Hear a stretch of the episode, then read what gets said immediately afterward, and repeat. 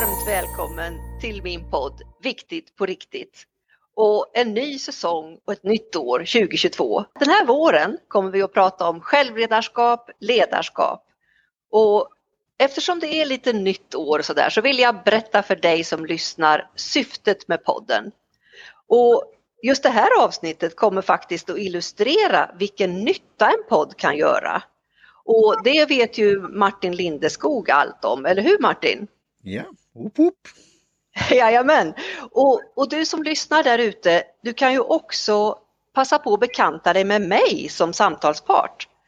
Du kan börja klura på vad jag kan göra för dig och för din verksamhet med min professionella coaching. Och innan vi släpper in dagens fantastiska gäst så måste jag om igen tacka Jingel-Jim som har gett mig den här fina lilla trudelutten som är så glad och sprittande. Och, och, nu är det nästan som om jag står och håller här i två tömmar med två travhästar som innan jag får släppa in nämligen dagens ärade gäst som är mannen, myten, legenden, mentale coachen för att citera Johan Olsson. Ingen mindre än Stig Wiklund! Välkommen! Stort tack! Åh, vad roligt att du är med i vår podd. Kul att få vara med i den här podden. Alltså, man ser ju dig på TV, på LinkedIn, på Instagram, på radio, jag vet inte, överallt är du Stig. Hur kan du? Ja, det är en bra fråga. Jag tror att det blir så här, när man har jobbat länge med en, en profession som jag höll på med mental träning och coaching under väldigt, väldigt många år. Till slut så blir det så att det blir effekt utav det hela. Ja. Det är ju så att det blir verkligen... Sen är det så att jag har fått jobba med fantastiska personer som har nått väldiga framgångar och det är klart, det gör ju, det gör ju alltihopa kan man ju säga. Det ger... med i radio, tv och tidningar, då är det ju så. Då är det ju viktigt att ha de där som är, som är med i hetluften. Ja, ja, ja, ja. och det, det ger ju en väldig skjuts till verksamheten. Och, och när jag säger att jag höll det som i två travhästar så, så är det här verkligen för att ta vägen in. Hur, för er som lyssnar där ute, hur kommer det sig att just Stig är med här och hur har vi träffats? Det tänkte jag att jag skulle berätta lite om. Och det var nämligen Martin Lindeskog, du är med oss, eller hur? Ja, Ja, är du är ju mannen som har gungat igång mig med att podda. Mm, stämmer. Och via podderiet så har jag ju träffat på andra som poddar. Och då var det ingen mindre än Bengt Andersson som har podden Utan skygglappar som hade ett avsnitt där just du var med Stig. Ja. Och vad var det du berättade om där och då? ja, det var väl mera det att jag berättade lite grann av bakgrunden inom travvärlden. Det var väl där det började då med, med mental träning och coaching med, med några av de här mera kända travtränarna och travkuskarna. På den vägen blev det ju då. Sen då blev det och- belöningen var betalningen höll- jag på att säga. Alltså, Så var det ju rättare sagt. Men det blev ju några travhästar och till slut blev det ju ganska mycket travhästar. Oj! Så på den vägen är det då. Och det här, vi fick pris i Sverige, när jag jobbade på LRF som regionchef där så fick vi pris i Sveriges bästa arbetsplats. Ja, Det ska jag säga. Och då var det några av travtränarna, eller det var ju rättare sagt Robert Belk som då fanns i Sundsvall, som frågade om jag inte kunde komma och jobba med en travarbetsplatsen. Och så blev det. Och sen har jag då jobbat en del inom trav, travvärlden. ja vad spännande. Och, och har du kört själv? Nej, jag har inte kört med. Nej. Vilken relation har du till hästar själv? Ja, det är inte mer än så att jag... Jag är ju uppväxt på jordbruk och där hade vi hästar. Ja. Hästar.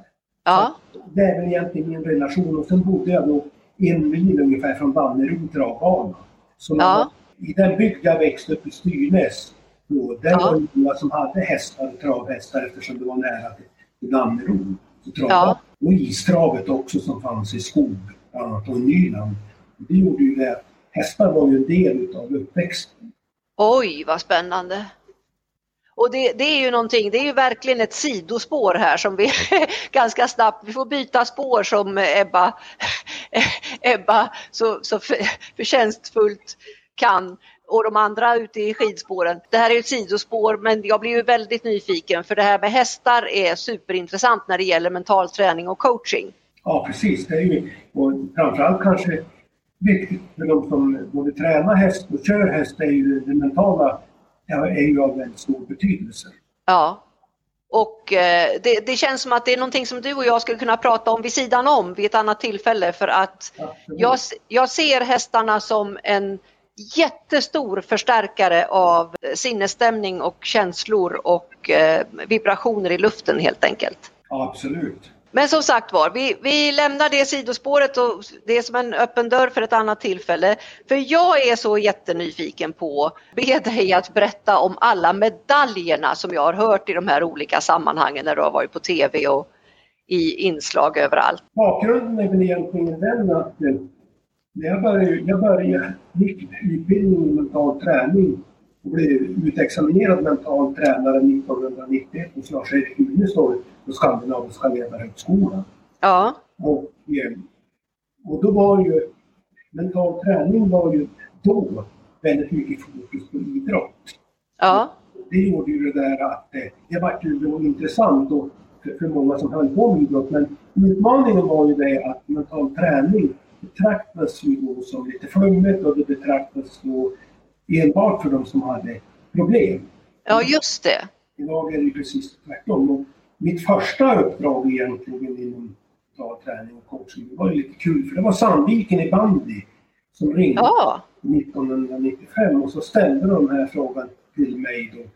Kan du komma hit och göra oss till svenska mästare i bandy? Vi har haft lite problem när det har varit kvart och semifinal och det har blivit lås lite grann och det har blivit mental barriär. Ja. Och, ja, det fixar jag, sa jag. Det ja, står jag nu, för nu vet jag ju hur mycket jobb och vad det krävs för att Ja. klara det. Samtidigt är det också det här som jag ibland kan känna. Ibland är det bra att man är inte medveten om svårighetsgrader därför att det är också väldigt lätt att man blir lite för realistisk. Jag sa ja till det här och de blev svenska mästare i bandy. De hade fyra landslagsspelare i bandy. Bland annat så var ju Hans Åström med och, som blev utsedd till världens bästa bandyspelare. Så det var ju en fantastiskt spännande resa. Sen nästa då idrotts evenemang, det blev Anna Olsson, den hette Anna Dahlberg då, numera gift med Johan Olsson. ja, just det. Mm. De tävlade då för Kramforsalliansen Ja. Ångermanland. Och Då tog de kontakt och frågade om jag kunde hjälpa dem med mental träning. Och Det var i slutet av 90-talet här och det var ju väldigt tidigt och väldigt modigt. Ja. Ja, verkligen. Och då jobbade jag ett tag med dem och då började jag jobba då med Anna. Mm. Mer specifikt och eh, det har varit ett väldigt bra samarbete och det funkar väldigt bra personkemin och vi trivdes väldigt bra ihop. Ja. Vi tog ju sedermera OS-guld 2006 i Turin också. Ja, precis. Det hade en fantastisk resa. Och där Ja. lärde jag ju mig väldigt mycket de här mentala processerna, lärde mig mycket saker som jag gjorde fel, som blev fel och jag lärde mig saker som blev rätt. Och Ja. då, när jag jobbade med Anna då, så då eh, blev hon tillsammans med Johan Olsson och då sa Ja. han att du måste gå till Stig och jobba med mental träning. Och Ja. Jag var väldigt skeptisk och tveksam. Och när vi träffas då, då var han ju sådär, han visste inte riktigt om han skulle jobba med det här. Men hur som det blev så ville han ju göra det så vi inledde ett samarbete och vi jobbar ju fortfarande idag, snart köpt i 20 år. Ja. Och det, det resulterade ju i Johan har ju 14 mästerskapsmedaljer, Ja. guld och VM-guld. Det blev ju en fantastisk resa och det lärde ju mig väldigt mycket. Så det var, och, och sen då nästa steg i det här då, det var ju då Helena Ekholm som Ja. var favorit i OS då 2010. Hon hade blivit utsedd vann Jerringpriset överlägset, mest överlägset av alla någonsin där och då. Ja. Stor favorit i OS då i Vancouver, men hon fallerade då. Och, Mm. och då ringde hon till mig, för jag hade varit på skidgymnasiet tidigare och pratat och sa hon nu måste du, nu måste vi börja jobba för jag måste jobba med, med, med mental träning för det här går ju inte så. Nej. Då frågade jag Helena, ja, men vad vill du jobba med? Vad vill du då? Ja, så jag vill ta VM-guld 2011. Det skulle vara ett bra slut på min karriär. Ja, så hur ska du göra det då? Ja, det får ju du fixa, sa hon.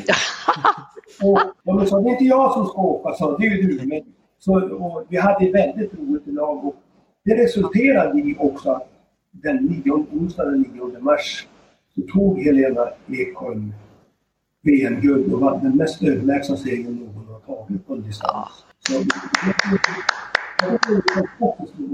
det var löpsedlar på, i Expressen så, så blev Helena en vinnare igen. Jag har dem här bakom mitt kontor. Ja, En fantastisk resa. Sen skrev Helena och jag boken Vägen tillbaka. ja, Hittade om liksom. För Helena var ju en stjärna. Helena var väldigt, hon, hon var nästan sist alla tävlare. Men hon hade en dröm, hon hade en passion att bli världens bästa skidskytt. Och så blev det. Och det där tycker jag är Fantastiskt. så kul att vi behöver inte vara talang. nej, Räck att du är, att du är målmedveten och väldigt duktig och har en stark vilja. Och det hade Helena. mm, Så det gjorde ju också, det var ju, och då var det väldigt mycket tidningsskriverier. Och Helena berättade ju öppet, jag har inte klarat det här med att jag fått hjälp av Stig. ja, 2013 då gjorde ju Johan Olsson det magiska ja, loppet då den 3 mars när han vann då den klassiska femmilen. ja, Och då, då blev det ju väldigt mycket fokus. Då slutade jag, jag hade jobbat på LRF då som regionchef, trivdes väldigt bra med det och eh, tyckte det var jätteroligt. Men då kände jag att det blev så väldigt mycket. Ja. Så jag var tvungen då att växla in på heltid. Eller Ja. egentligen en och en halv. Det, blir ju, det här blir ju också en livsstil så jag jobbar ju jämt med mentala biten. Så det gjorde ju då att det blev ju spännande. Sen började jag jobba med GIF Sundsvall där Emil Forsberg var med. Och så tog vi dem från eh, Superettan till Allsvenskan. Så det blev, och Emil gick ju sen vidare och han var ju också väldigt positiv till mental träning. Och det, det, och det var lite kul med Emil Forsberg för mitt uppdrag som jag fick av tränaren Sören Åkerby det var ju att se till att Emil spelade fotboll, inte innebandy. För han var mera, han var på gränsen att skulle sluta spela fotboll. Så mitt Ja. uppdrag var ju, så vi hade många samtal Emil och, och då började han, satsade han ju på heltid. Det var ju väldigt bra faktiskt kan man säga. Så oj, det är ju egentligen den här bakgrunden då, med de jag har jobbat med och det har ju varit en fantastisk resa mm, få jobba med. Sen har jag ju då Britta Johansson Nordgren. Nu har jag ju jobbat med, med Frida Karlsson. För att det skulle, Britta Johansson Nordgren gick ju då på skidgymnasiet Ja. i Sollefteå. Och när jag började med henne föddes Frida. Och Britta är ju den skidåkare då som har vunnit mest världscupsegrar i långloppscupen av både män och kvinnor. Ja. Var den första som stakade sig runt i ja, just det. det gjorde ju också att det blev ju väldigt mycket media kring det. Och sen då 2016 då började jag jobba med Frida Karlsson och sen gjorde hon ju så här magiska Ja, VM när hon som yngst Ja. guld och, och flera VM-medaljer. Och det har ju gjort att, och Frida hon är ju, hon är ju väldigt stor. Hon är, så jag såg hon har 207 000 följare på Instagram. oj, oj, oj. Näst populäraste idrottaren i Sverige. Ja, Och när du jobbar med den här typen av stjärnor och som Helena Ekman, Britta Johansson, Nordgren, Anna Olsson, Johan Olsson, Frida Karlsson. Då gör så mycket sig själv. Alltså, du får ju, jag brukar säga det, jag ligger på 5-10 förfrågningar i veckan. Ja. Det blir ju väldigt mycket. För de här stjärnorna drar ju med sig så mycket runt omkring. ja visst, visst, visst. Så att det, det är ju lite... Sen ska jag väl säga det också. Har väl ungefär, på bakgrund på idrottssidan. Jag, de jag jobbar med har tagit ungefär 260 medaljer. OS, VM och SM. Bara 55 guld. Så det har ju gjort att jag har fått ganska bra... Jag har jobbat med flera som är riktigt duktiga. Sen har jag ju tystnadsplikt några Ja. också som, som är bland de bästa. Som har varit och är bland de bästa i världen. Så det är ju lite kul det där. Men jag har ju också då, ska jag säga, personer utanför idrotten. Ja, Ungefär hälften idrott, hälften toppchefer, skådespelare, professorer, läkare. Och lite blandat. Jag tycker det är ganska kul. Man lär sig lite själv. ja visst. Vet Så- du, jag smyger in där och avbryter för jag var ju just så väldigt nyfiken på de här medaljerna. Ja. Och då sa du att det var, sa du 360 stycken? 160 har jag ungefär OS, VM, SM. Ja. Det är nog mer också. Men, men man säger det också 55 guld som har tagit Ja. 55 guldmedaljer. Och eh, det, det talar ju sitt tydliga språk för framgång med vad eh, det du arbetar med tillsammans med dina adepter, vad det ger. Och det är ju jättekul att höra dig berätta så det bara rinner ur dig en hel story från hur det här startade till, till var du är idag och hur du nu idag jobbar 50-50 med toppchefer ledare, lite olika personer i eh, viktiga positioner och idrottare. Och hur det här berikar ditt liv. Och igår så pratade vi just om det här, eller vi säger jag, ni pratade om det på TV för jag lyckades komma ikapp TV6 och det inslaget där du var med. Och det handlar ju om skidåkning då. Och där sa du så många bra saker och jag kan väl bara berätta inom parentes att min man visste att jag själv stod i coachmöte så han kunde inte ringa eller ropa på mig. Men vi lyckades bläddra fram det på kvällen så jag fick höra vad du sa och då berättade du bland annat om eh, att du tror på ett stort mörkertal. Vad var det du syftade på då? Jag pratade om det här med, med då, eh, många, precis som Johan Olsson hade självtvivel, eller har han ju fortfarande, mm. trodde inte på sig själv och där menar jag att det, det finns ett stort mörkertal på det där. Jag tror både mm. när du håller på med prestationer, sen Precis. om det är idrott eller utanför idrott, så tror jag att det är ett stort mörkertal på det där. Jag tror att det är väldigt många som egentligen har prestationsångest eller mot mm. prestation. Mm. Som jag tror skulle ha väldigt stor nytta av att få hjälp med, med de här bitarna. Jag kan ju ja. säga jag har väl kanske fått 50 förfrågningar sedan igår efter TV6 alltså inslag. Ja, jag förstår. Jag förstår det. Och eh, vad, vad, skulle du säga är skillnaden på prestation och drivkraft? Ja, du kan, man kan väl säga så här att eh, drivkraft är ju det som, som, som, som driver. Prestation, det tycker jag är någonting annat. Sen kan det höra ihop ibland. Alltså Johan, mm. sin drivkraft, det är Olsson alltså, det har ju mm. han, han är ju ett litet tvivlare och då blir det så slår det igenom. Men det är inte alltid det gör det. Så att det där är, tycker jag kan vara lite lurigt ibland. Mm. Det är professor Jan-Erik Rendahl som jobbar med drivkrafter då och eh, han, vi jobbar väldigt nära ett tag kring det här med hur man kunde då, para drivkraften med mental träning. Därför mm. Det jag tycker är intressant med drivkraften det är ju vad du drivs av och utifrån det hitta mentala verktyg för att kunna hantera de här situationerna. Mm. Och det som också fanns med i eh, TV6-inslaget igår, det var ju det här Big Five väldigt intressant forskning som har pågått i tio år med Gustav Almqvist. Ja. Har du, har du mött det förut Stig? Eller är det något du ja. sysslar med? Jag har väl tittat på alla de här drivkraftsmodellerna. Ja. Big Five är ju också, den är väl precis som Gustav sa, den som är kanske mest vetenskapligt träffsäker. Sen så tycker jag kanske ibland mm. att man ska vara lite försiktig med det där att klassificera. Därför mm. det finns risker att det blir valda sanningar. Exakt. Jag, tyck, jag använder mera drivkraften när jag jobbar i coaching och mental träning på det sättet att om det är en person som gillar relation och samarbete, då ja. jag jobba på ett speciellt sätt. Har jag en person ja. som gillar kanske resultat och mål, då blir det på ett annat sätt. Och den tredje kategorin, det är utmaning och engagemang, så lägger jag upp det på ett annat sätt. Jag använder mera så. Mm. Och eh, här närmar vi oss det här fantastiska uttrycket där vi är lika olika allihopa mm. som jag tycker är så intressant. Och med det menar jag att det, vi människor, det är ju väldigt mycket som är basic lika hos oss och inom varje individ så är vi ju lika olika, både oss själva över tid och i olika situationer och i olika sammanhang och beroende på vad det är vi ska göra slash prestera och det här, det är här nyckeln ligger, tycker jag. En av nycklarna, jag tycker inte kanske att det är ett utmanande ju mer man jobbar tycker jag med sånt här, ju mer komplext är man att det är. Jag är lite försiktig med det här med, med tvärsäkra svar och tvärsäkra lösningar därför att ofta är ju vi människor väldigt komplexa och det där kan också variera över tid.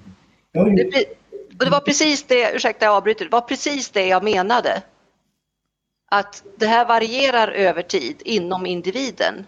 Precis.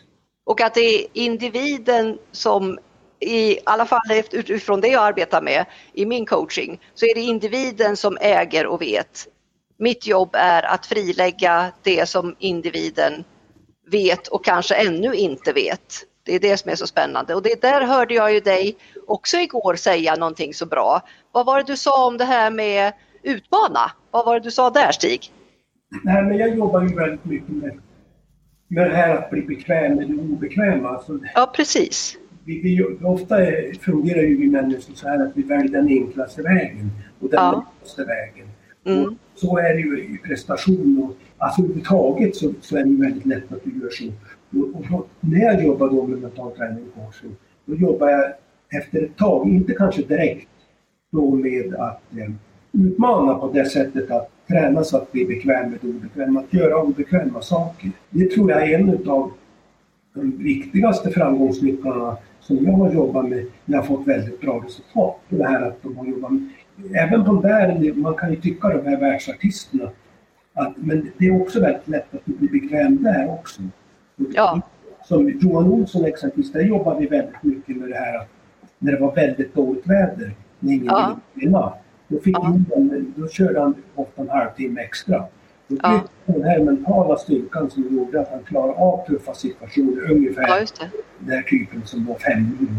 Då var Johan så förberedd på det här så att när han vann den loppet, han kunde hantera det där. Och så har jag jobbat mycket med Frida Karlsson också. att Vara väldigt liksom bekväm i det obekväma. Ja. En väldigt eh, styrka. Alltså Ja. och söka upp. Det är ju samma om du, om du med svåra samtal eller och andra. Det är inte alla som är idrottare. Och där är det på samma sätt att träna sig att med svåra samtal och konflikthantering och klara av det här att vara bekväm i det obekväma. Mm. Jag har varit väldigt förtjust i H. Anders Eriksson, är professor i Florida i psykologi. Han har Mm. han skrev boken Peak. Där han har Mm. tittat på de här mest framgångsrika människorna då inom olika områden. Och där fann han ju det här liksom att för att utvecklas och lyckas måste du vara obekväm. I det Mm. bekväma sker ingen utveckling. Och då baserar jag mycket av mitt tankesätt på det här, just den forskningen som Mm. bygger på just det här att Mm. människor har lätt att bli bekväm och då måste Mm. du träna dig att vara obekväm. Det Ja. är en väldigt viktig framgångsfaktor. Ja, verkligen. Och där skulle jag vilja ge dig en eloge för det som du beskriver med enkelhet. Och Må bra och prestera bättre heter ju din bok. Mm. Och där, där tycker jag det är så bra att du har förenklat komplexa saker genom att sätta enkla ord på det. Som till exempel det här mantrat, bli bekväm med det obekväma. Det handlar ju om att utvidga sin comfort zone och jag, istället för comfort zone kallar jag det för lärandezon. Att är man intresserad av att lära sig någonting då behöver man befinna sig i den zonen och gilla det och tycka att det är spännande och vara nyfiken. Och, så det, det är så mycket kul vi har att prata om Stig och jag bläddrar här i ditt häfte för där är, finns det någonting så vackert som jag vill läsa ett citat. Hör här ska ni få höra killar. Det är viktigt för vår hälsa och våra liv att vi har roligt och njuter av livet. Gör något varje dag som får ditt hjärta att sjunga. Och det är på sidan 8 i din bok Stig. Och den här boken är ju inte tjock men den är möjlig för att agera och här i finns bilderna på de här fantastiska personerna som du redan har berättat om och jag gissar att de har jobbat med de här sakerna och jag undrar för att bara titta lite grann på klockan, vi brukar ju tänka på de som lyssnar att de har sin begränsade tid och sådär. Jag undrar Martin, vad, vad, vilka tankar kommer till dig här när vi har pratat på, både Stig och jag här i rasande takt? Ja, jag får en positiv kick. Den Ja. positiva kicken, som eh, Ja. Stigs sida. Och det får Ja. mig lite som nyfiken. Det var ju så jag började efter vad som hade hänt September 11 och Mm. eh, att göra något, att just skriva, ventilera. Och då började jag blogga 2002. Ja, Och då det här med vi pratar eh, blogg då, jag har varit inne på Stigs sida och en av de Mm. senaste av, eh, bloggposterna så står det om att fira delmål. Och du hade Mm. ut, eh, åkt skidor. Och då tänkte jag på en som är pionjär i detta området, Edwin A. Locke, som jag då träffat på en filosofisk konferens och även lyssnat på en kassettkurs på någon gång, i, den var från mitten av 80-talet.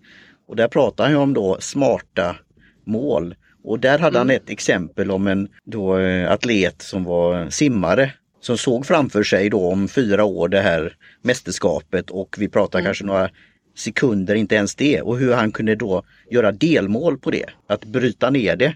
Att bli snabbare, de här vändningarna i simbassängen och allt vad det nu var. Och då tänkte jag lite på att om man gör det, att de är, man stretchar sig lite men de är även mätbara. Och sen som du sa de här drivkrafterna som individualist att man ser framför sig och kunna fira det här och man gör det för, för sig. Men också mm. då hur kan man applicera det här på, i ledarskap i affärsvärlden? För där är det ofta, hur ser man det framför sig? Har du några tankar om det Stig? Det där man ser framför sig fyra år och som firar det under tiden och komma närmare närmare målet och sen i själva processen komma fram till det också. Ja, absolut. Och sen vill jag säga så här också här. Alla passar inte. Det är en sån här sak som jag har lärt mig över, över tid. Jag var besjälad av det här med mål och visioner. Men jag har ju lärt mig det. Jag har ju jobbat med de som är fantastiskt framgångsrika som inte har mål eller visioner. Så att det där är lite lurigt ibland. För ibland så känner man att herregud, jag har inget mål, jag är värdelös. Men det behöver inte vara så. Du kan ha livsvärden. Mm. Att du, jag vill leva sunt och friskt och jag vill ha ett bra liv och så. Så mm. det är ju den ena bilden. Sen håller jag ju med dig om Martin, det här med just när det gäller idrottsprestation och att du jobbar då med delmål och mål så jobbar jag ju med Johan Olsson. Vi hade ju både långsiktiga och kortsiktiga mål. Mm. Det jag tycker kan vara utmaningen ibland, det är att du är för kortsiktig när du gör mål. Jag mm. tycker det är väldigt viktigt att ha långsiktiga mål. Så mm. när jag började med Frida sa att det är inom fem år du ska vara som bäst. Mm. Nu, och då har jag sagt varje år, så jag skjuter fram det där och skrattar det där. Därför att då känner du inte liksom stressen och pressen här och nu. Nej. Så kan du då jobba med Dels kan du ha visionen, visionen om att du ska bli bäst i världen. Och då blir ju frågan hur gör du det och hur ska du bli bäst i världen? Hur tar du, vad är det vad som krävs? Ja. Ska man göra en plan och då blir det ju med delmål och mål. Det är ju spännande på det sättet. Och, och det du säger här... tänka på eh, en sak på affärsvärlden här Karin. Och det är ja. ofta ledare som är då pressade. Det kan vara från mm. aktieägare, mm. det kan vara den där mm. kvartalsrapporten mm. och nästa kvartal. Och det blir väldigt kortsiktigt då. Och man mm. fixar till siffrorna om man uttrycker det så. Men inte ser det här långsiktiga då. Så eh, det var intressant att du tog upp det också Stig, så fortsätt mm. Ja, och, och, det är det här med det som jag sysslar med är ju väldigt likt det du sysslar med, mental träning, mindfulness och framförallt professionell coaching, där eh, processen är en så viktig del. Och hur man hanterar processen och lever med den och kan förhålla sig till utvecklingsprocessen och ens vara medveten om att den finns där. Det är det som är den stora skillnaden när man blir medveten om att man sätter de här, det bortre målet och de här delmålen. Och framförallt inställningen under resans gång, hur man hanterar det. Och där är det ju individer hela tiden och i ett företag är det ju individer och att få loss kraften hos var och en, då blir det magi. Så är det. Så tror jag också det är viktigt det här att man också blir utmanad. Så du är inne på Martin också, det här att du också kan få både bekräftelse och acceptans för att det kan vara tufft ibland men kan ha mm. ändå. Det här är ju, det här är ju också väldigt an, angelägna saker. Och det tror jag också att det börjar bli ett mörkertal på att det är väldigt många som mår dåligt, som vi pratade tidigare om, i prestationen. Och då tror jag att det är väldigt viktigt att ha de här verktygen. Jag jobbar ju väldigt mycket då, de jag jobbar med, att man får då skriva upp varje kväll tre eller fem saker de har gjort bra. Ja. Det gör ju det där att du har mer fokus på det du har gjort bra. Utmaningen är ju för många som är högpresterare, det är att du aldrig är nöjd. Mm. Och jag jobbar ju med väldigt många högpresterare. Mm. Och därför så är det ju, det är ju ett väldigt bra mentalt verktyg att skriva upp saker du gjort bra. Det kan vara saker du är tacksam över också, för då blir det inte prestationen i sig. För när man jobbar med bra saker, då är det vad du presterar. Men du kan ju också ha saker som har gett mig positiv energi. Det är det som du pratar om, då, Karin, det här må bra och prestera bättre. Mm. jobbar jag ju med den där tekniken att de kan variera frågorna under en vecka, alltså mm. skriva upp saker. Mm. Och, ibland det som stärker självbilden och ibland självförtroende. Precis. Och... Det tror jag är viktigt.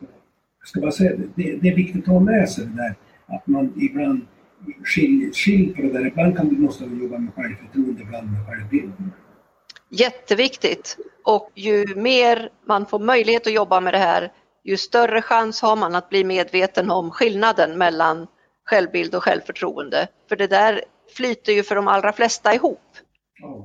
Så en sak har jag skrivit här, Stig, på mitt lilla papper, att eh, med tanke på det här du säger med mörkertal och så, och när man läser i tidningar och sådär om hur till exempel många idrottare ger uttryck för att de verkligen har mått pyton fastän de har varit på topp egentligen. Eller de till och med har klivit av och så vidare och så vidare. Och jag tycker det är så fint det här du säger att må bra och prestera bättre. Alltså vikten av att må bra och det du också säger många gånger, det är ju helhetstanken, att det räcker liksom inte med att bara må bra utan man måste ha en helhet runt omkring sig som är fungerande. Jag brukar säga åt Frida Karlsson då, som, som är så fantastiskt duktig, att jag tycker det är viktigt att du mår bra om du blir, blir bäst i världen.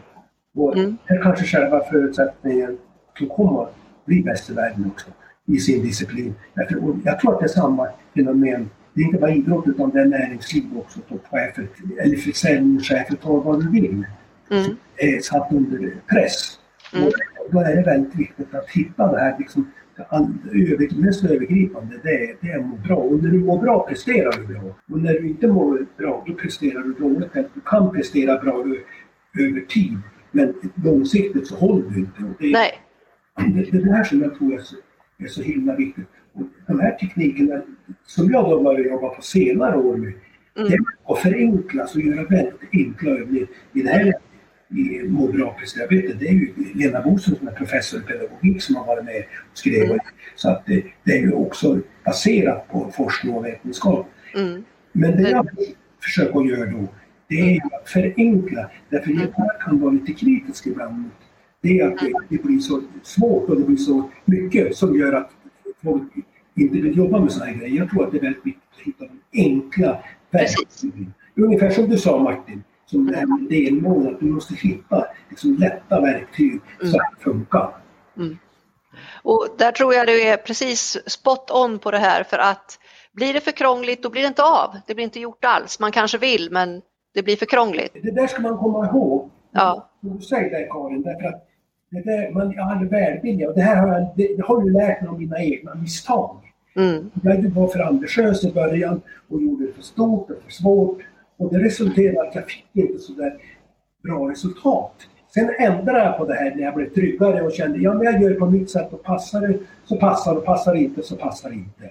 Mm. Och, och, på det sättet så, så tycker jag att jag landar bra i det. På det mm. sättet. Att tro på, tro på den här modellen att göra det enkelt och det står i affären lite grann när jag jobbar med mental träning och coaching. Mm. Och för, för, att vara tydlig i det. Så att mm. inte göra det för svårt. Nej, det ska vara gripbart och det, ska, det är ju starkt förknippat med action. För utan action så blir det ingenting. Du behöver göra någonting för att det ska bli en utveckling. Och, och då är det ju också viktigt det där att man gör sakerna ja, enkelt. Jag kan också tänka så här ibland. Alltså att man kan under ett år när man jobbar med en person kan liksom bygga upp det liksom successivt, ungefär som du bygger ett hus från grunden. Att du, mm. ta upp övningarna också och svårighetsgraden. Mm.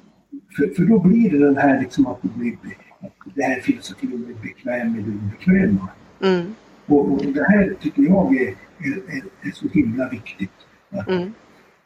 träna Ja, verkligen. Och en lång resa börjar med ett litet steg som det kinesiska ordspråket säger. Och Stig, du är också så härlig med ditt, eh, hur du bjuder på dig själv och hur du visar att du lever som du lär med att fira delsegrar. Man ser dig på travbanor med, med, med blomsterkvastar och man ser dig ute i spåret och det är underbart att se.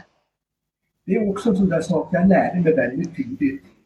Att eh, försöka vara sann. Alla övningar jag gör, de jobbar jag själv. Mm. Så jag sätter upp mål för mig själv och då mm. publicerar jag ut också på LinkedIn och Instagram och så vidare. Och jag åker skidor. Och mm. försöker göra sådär därför att vara trovärdig i det man gör. I, mm. i, sitt sätt. Och då blir det lättare också när man jobbar med andra, när man själv gör det. Jag vet också vad svårigheterna är, jag vet också vad möjligheterna är. Mm. Och för mig var det väldigt viktigt över tid att försöka liksom att alltid jobba med det mentala coachövningar de jobbar själv med. Vilka skulle du säga sådär generellt, vilka är vinsterna med, med, med, mental träning och professionell coaching? Varför ska man hålla på med det? Det är ju en bra fråga. Det är en bra fråga. Jag tänker så här, om jag får frågan. Mm. Det första jag brukar säga det är att lära känna dig själv. Det är mm. grundförutsättningen för att ett bra liv. Det är att förstå dig själv och förstå andra. Mm. Sen tycker jag att precis som Johan Olsson sa på TV6 han hade mm. svårt med sömn, hade svårt med tänket, Han var rastlös och mådde stundtals väldigt dåligt. Där tycker jag man, man, min erfarenhet när vi jobbar systematiskt med mental träning, det är att du sover bättre, du blir gladare, du blir positivare och lättare att hantera både motgångar och framgångar. Mm. Och det tycker jag är, och du får bättre fokus. Och det finns så väldigt många fördelar. Men Mm. det jag har märkt då, det som min har blivit min utmaning, det är som jag sa på TV då, det är ju ingen jäkel som slutar som jag jobbar med. Jag har ju med de flesta i, ja men 20, Ja. 15, 10, 5 år ungefär. Så att, och jag brukar ändå försöka någon gång säga så, men nu har vi jobbat ganska länge, skulle du inte vilja att vi kanske skulle gå skilda vägar? Nej, säger ju de då. Och nu är det börjar. Ja. Allt med Johan Olsson, han slutade åka på skidor 2017 och sa ja men Ja. Johan nu kan vi ju då, nu har vi gjort vår resa. Nej, sa Johan, nu är det nu jag måste göra, det är nu jag vill börja jobba. Ja. Så att det har ju, och det tror jag bygger mycket på det här att har man bra verktyg och bra samtal och många vill vara kvar och tycka att det är spännande och intressant. Och det, du blir som en kompis fast du, du, ändå har du rollen som mental tränare eller coach och utmana. ja. Det tror jag också en fälla många går i. Du blir för empatisk. Precis, det var, det var det du var inne på på TV6 igår. Just det här med att verkligen våga utmana för att det ligger i coachrollen. Ja. Att det är mitt jobb att göra det. Men, men jag tror att det är väldigt lätt det där att, att det blir så här, precis som du är chef eller VD eller vad, du- vad du nu har för roll, ledande befattning. Att du vågar inte utmana därför att du känner att det blir lite obekvämt. Struntar i det där och då tror jag det blir fel. Jag, tror, jag, jag brukar säga så här när jag med Empati är en utmaning därför att då går jag in i dina känslor och så fastnar jag där. Jag jobbar här mera med, med medkänsla. Jag kan förstå det när jag står på sidan och då kan jag ge bra mentala verktyg. Mm. Och så har jag jobbat med alla. Alltså, på det sättet alltså. Jag har medkänsla och, och så. Men jag skiljer också det här när vi pratar mental träning, coaching eller, vi, att vi har ett annat typ av samtal. Därför att då vet de att nu är det skarpt läge. Och det Mm. har varit en väldigt bra framgångsfaktor. Mm. Att ligga väldigt nära. Sen, sen jobbar jag också så att jag säger att alla, jobbar med alla 30 och de jag är 32 för övrigt.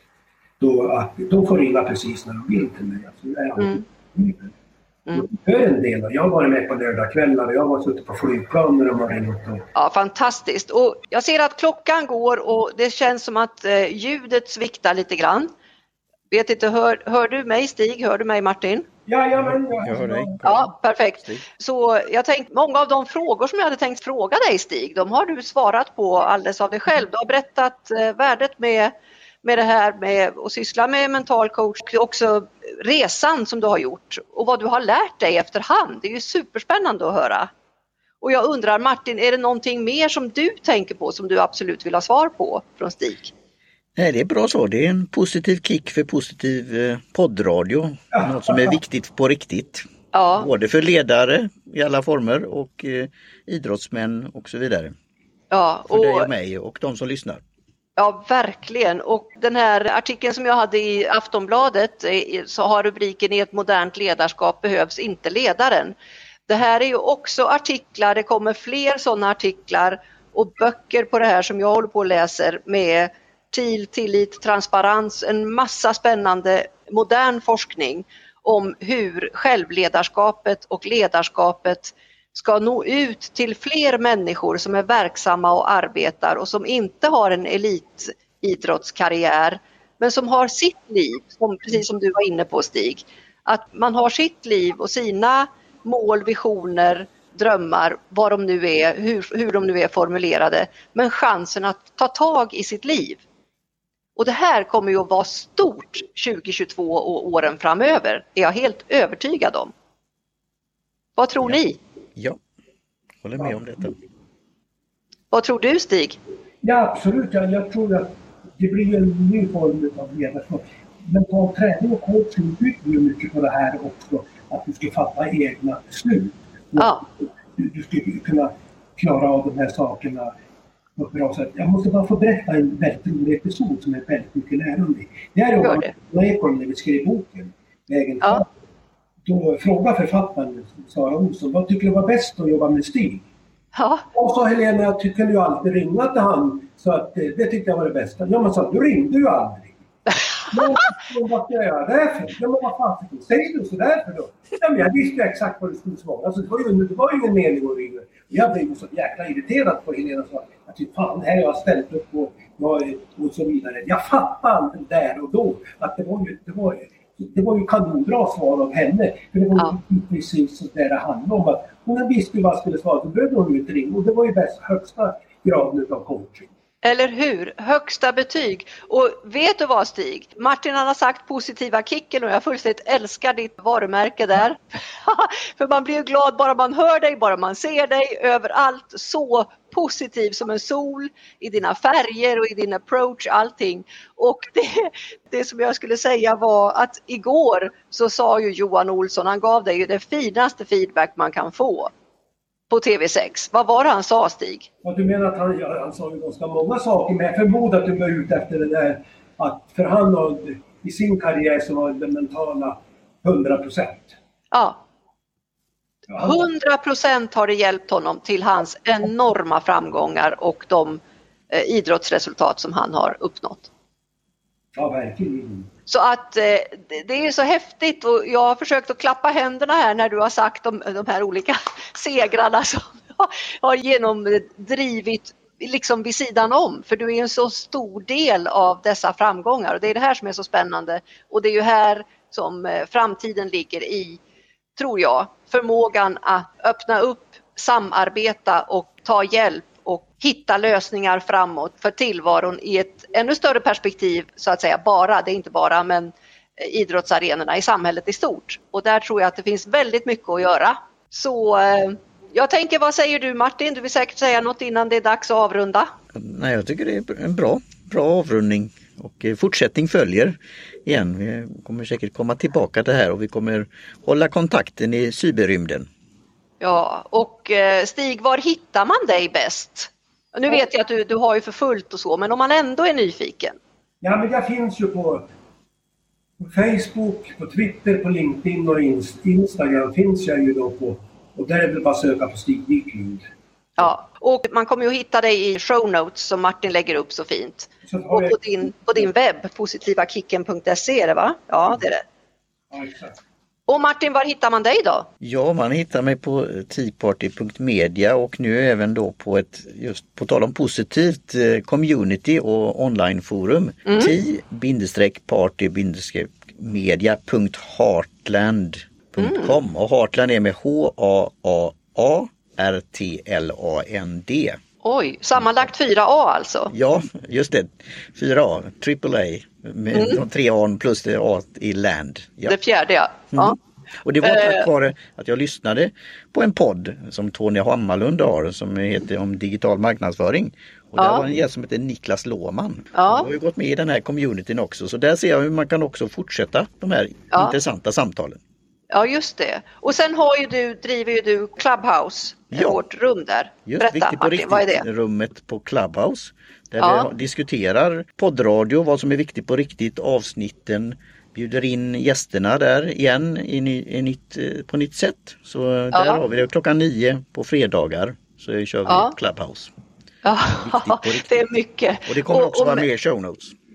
Ja men kanon. Och är det lätt att bara klicka in där då? Om ja, Steve vill vara med, hur gör han då? Ja, han laddar ner appen, antingen på om man har en Apple-telefon, en iPhone ja. eller en Android och söker på Clubhouse som klubb och hus. Ja. Hittar han den och eh, sen söker efter viktigt på riktigt, klubben ja. och rummet. Så ja. bara att joina på den tiden när vi öppnar upp eh, rummet ja. mötet. Och hoppas att Stig har tid att komma. Vad ja. tror du Stig, kommer du komma till Clubhouse? Det är väl inte helt omöjligt. Oh, vad roligt det vore! Oh, så vi får höra din energi igen. Och mig, mig hittar ni på karincoach.se, världens enklaste. Det är bara att googla på call Karin coach så ploppar jag upp någonstans. Det är även en och hashtag. Hörni, ja just det, det är min hashtag. Hörni gentlemän, så fantastiskt att ha denna stjärnyra så här i början på året. Jag är så tacksam och glad för att ha fått ha er med. Och jag avslutar med min travesti som vanligt, Spanarna på Hill Street, med att säga på mitt speciella sätt. Nämligen, kära lyssnare, ni som har fått njuta av Stigs visdom och Martins. Gå nu ut i världen och gör den lite vackrare, lite bättre och lite roligare, för du är ju där. Hej då! Hej då! Hej svejs!